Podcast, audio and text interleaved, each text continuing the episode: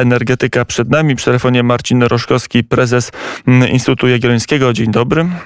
Dobry panie redaktorze, dzień dobry państwu. Dzień dobry państwu, dzień dobry panu. No dobrze, ostatnio mamy e, w ramach koalicji rządzącej frontalny szturm na politykę energetyczną rządu, na transformację energetyczną. Kiedy przeglądamy prasę światową, to można e, także takie informacje znaleźć jak Politico, które donosi, że Szwedzi e, coraz mniej przychylnie patrzą na farmy wiatrowe, które tworzą prąd, że nie chcą wielkich wiatraków dookoła swoich domów czy obok swoich domów, a do tego jeszcze są doświadczeni e, brakiem dostaw prądu z ostatnich tygodni. To wszystko wskazuje, że być może e, Green New Deal i transformacja energetyczna e, powinna być lepiej przemyślana, aby była skuteczna, panie prezesie. Jak to wygląda? No, przede wszystkim o tym wielokrotnie też rozmawialiśmy na antenie Radia Wnet. Dziękuję panu redaktorowi.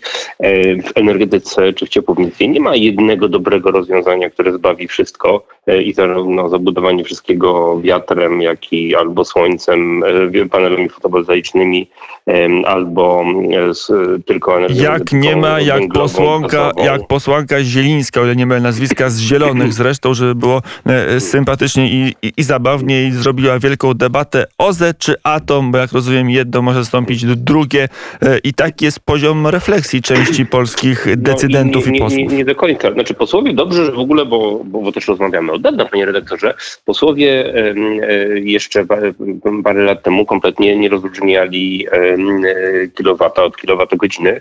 Zresztą niektórzy byli ministrowie też tego cały czas nie robią, ale więc jakby dyskusja po, po troszeczkę poziom zwiększyła swój, natomiast atom nie zastępuje OZE z prostego względu, że charakterystyka produkcji obu źródeł jest zupełnie inna. Atom pracuje w tak zwanej podstawie, dostarcza e, energię cały czas i to jest e, jego główna e, zaleta. Ona nie jest najtańsza, ale dostarcza. Natomiast OZE w różnych pikach, w różny sposób bilansowane, czy przy, przy, przy użyciu gazu, czy magazynów energii, mogą inną część tego pasma energii, które cała gospodarka i cała Polska wykorzystuje, mogą dostarczyć. Więc jakby to trochę nie jest dyskusja czy atom, czy OZE. A problem jest taki, że na dyskusję o energetyce bardzo dużo różnych lobby e, wpływa e, i tutaj efekt jest taki, że rząd wielokrotnie ulega e, różnym sytuacjom. Nawet nie tylko ten, bo poprzednie także.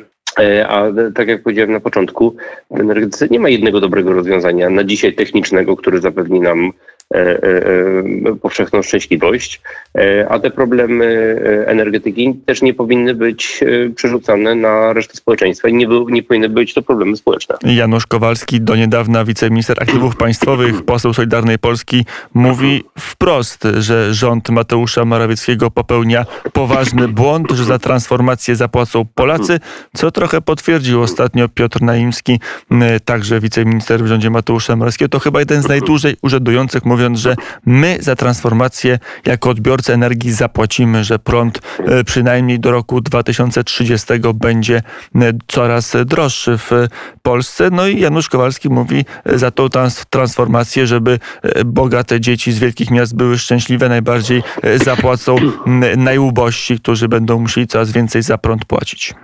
No, Janusz Kowalski i ma rację i nie ma racji, dlatego że my teraz płacimy nie za transformację, tylko za brak transformacji. Dlatego, że polska energetyka w prawie 80% oparta jest na węglu, a przy tych przy tych cenach emisji, w tych nakładach inwestycyjnych e, i w tym, przy tym braku apetytu instytucji finansowych do finansowania energetyki węglowej, e, to dlatego teraz płacimy tak wysokie ceny za energię elektryczną i cieplną.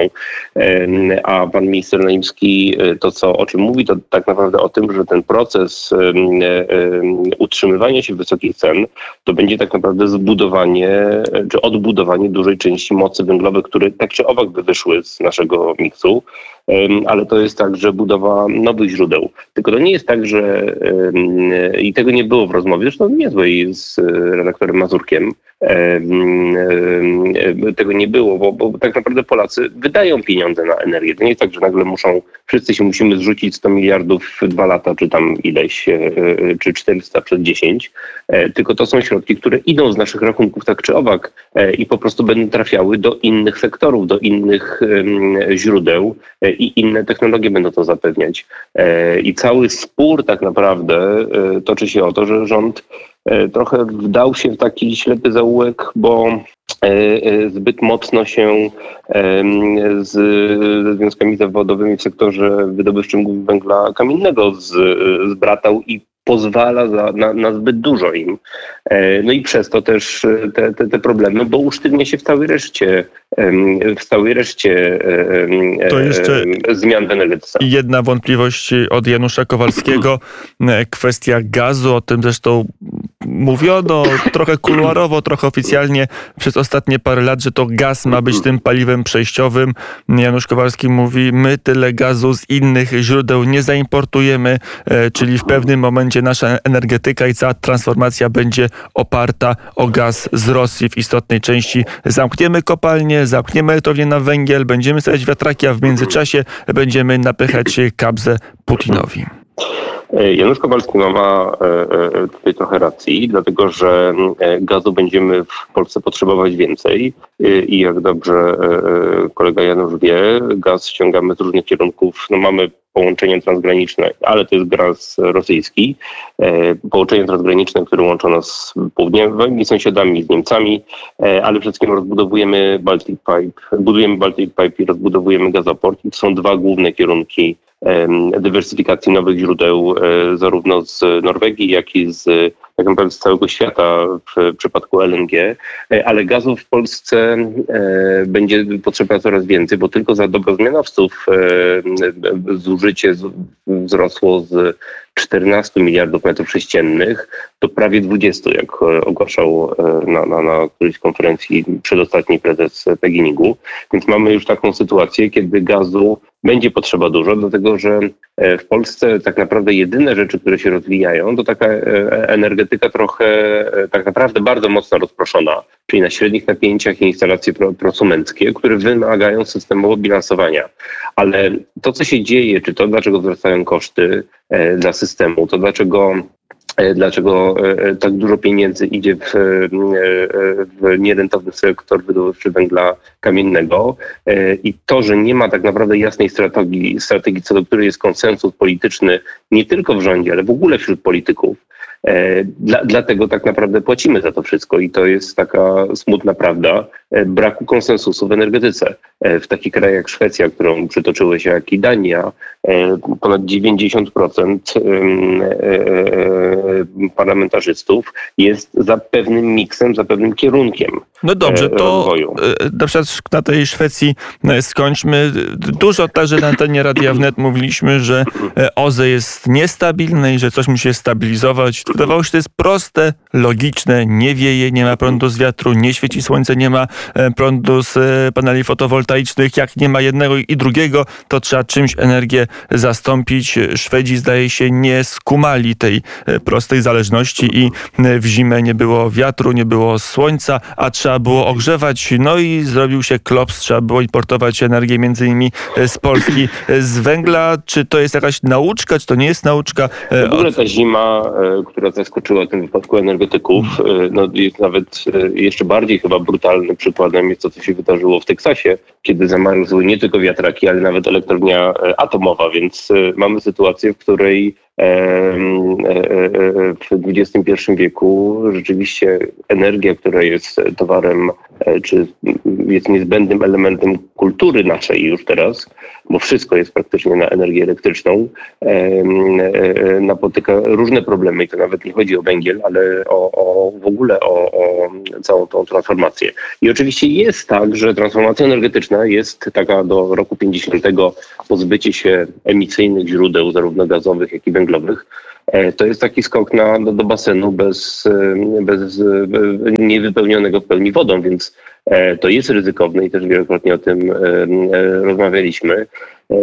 Unia Europejska już raz zrobiła taki, taki krok, czyli tak mocno dotowała OZE, e, czyli wiatr i słońce, generację wiatru i słońca, aż doprowadziła do tego, że ceny samych technologii bardzo mocno spadły.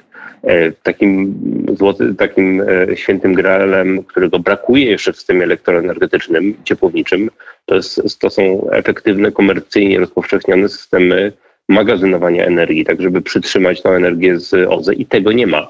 E, więc te, te, te pieniądze do, w, w Krajowym Planie Odbudowy i w różnych innych unijnych, ale nie tylko, tak naprawdę też w tym to kierunku są skierowane. Ale te technologie nie są jeszcze komercyjnie rozpowszechnione. Y, po czasie i wnioski dla polskiej transformacji z przypadków teksańskich i szwedzkich jakie są?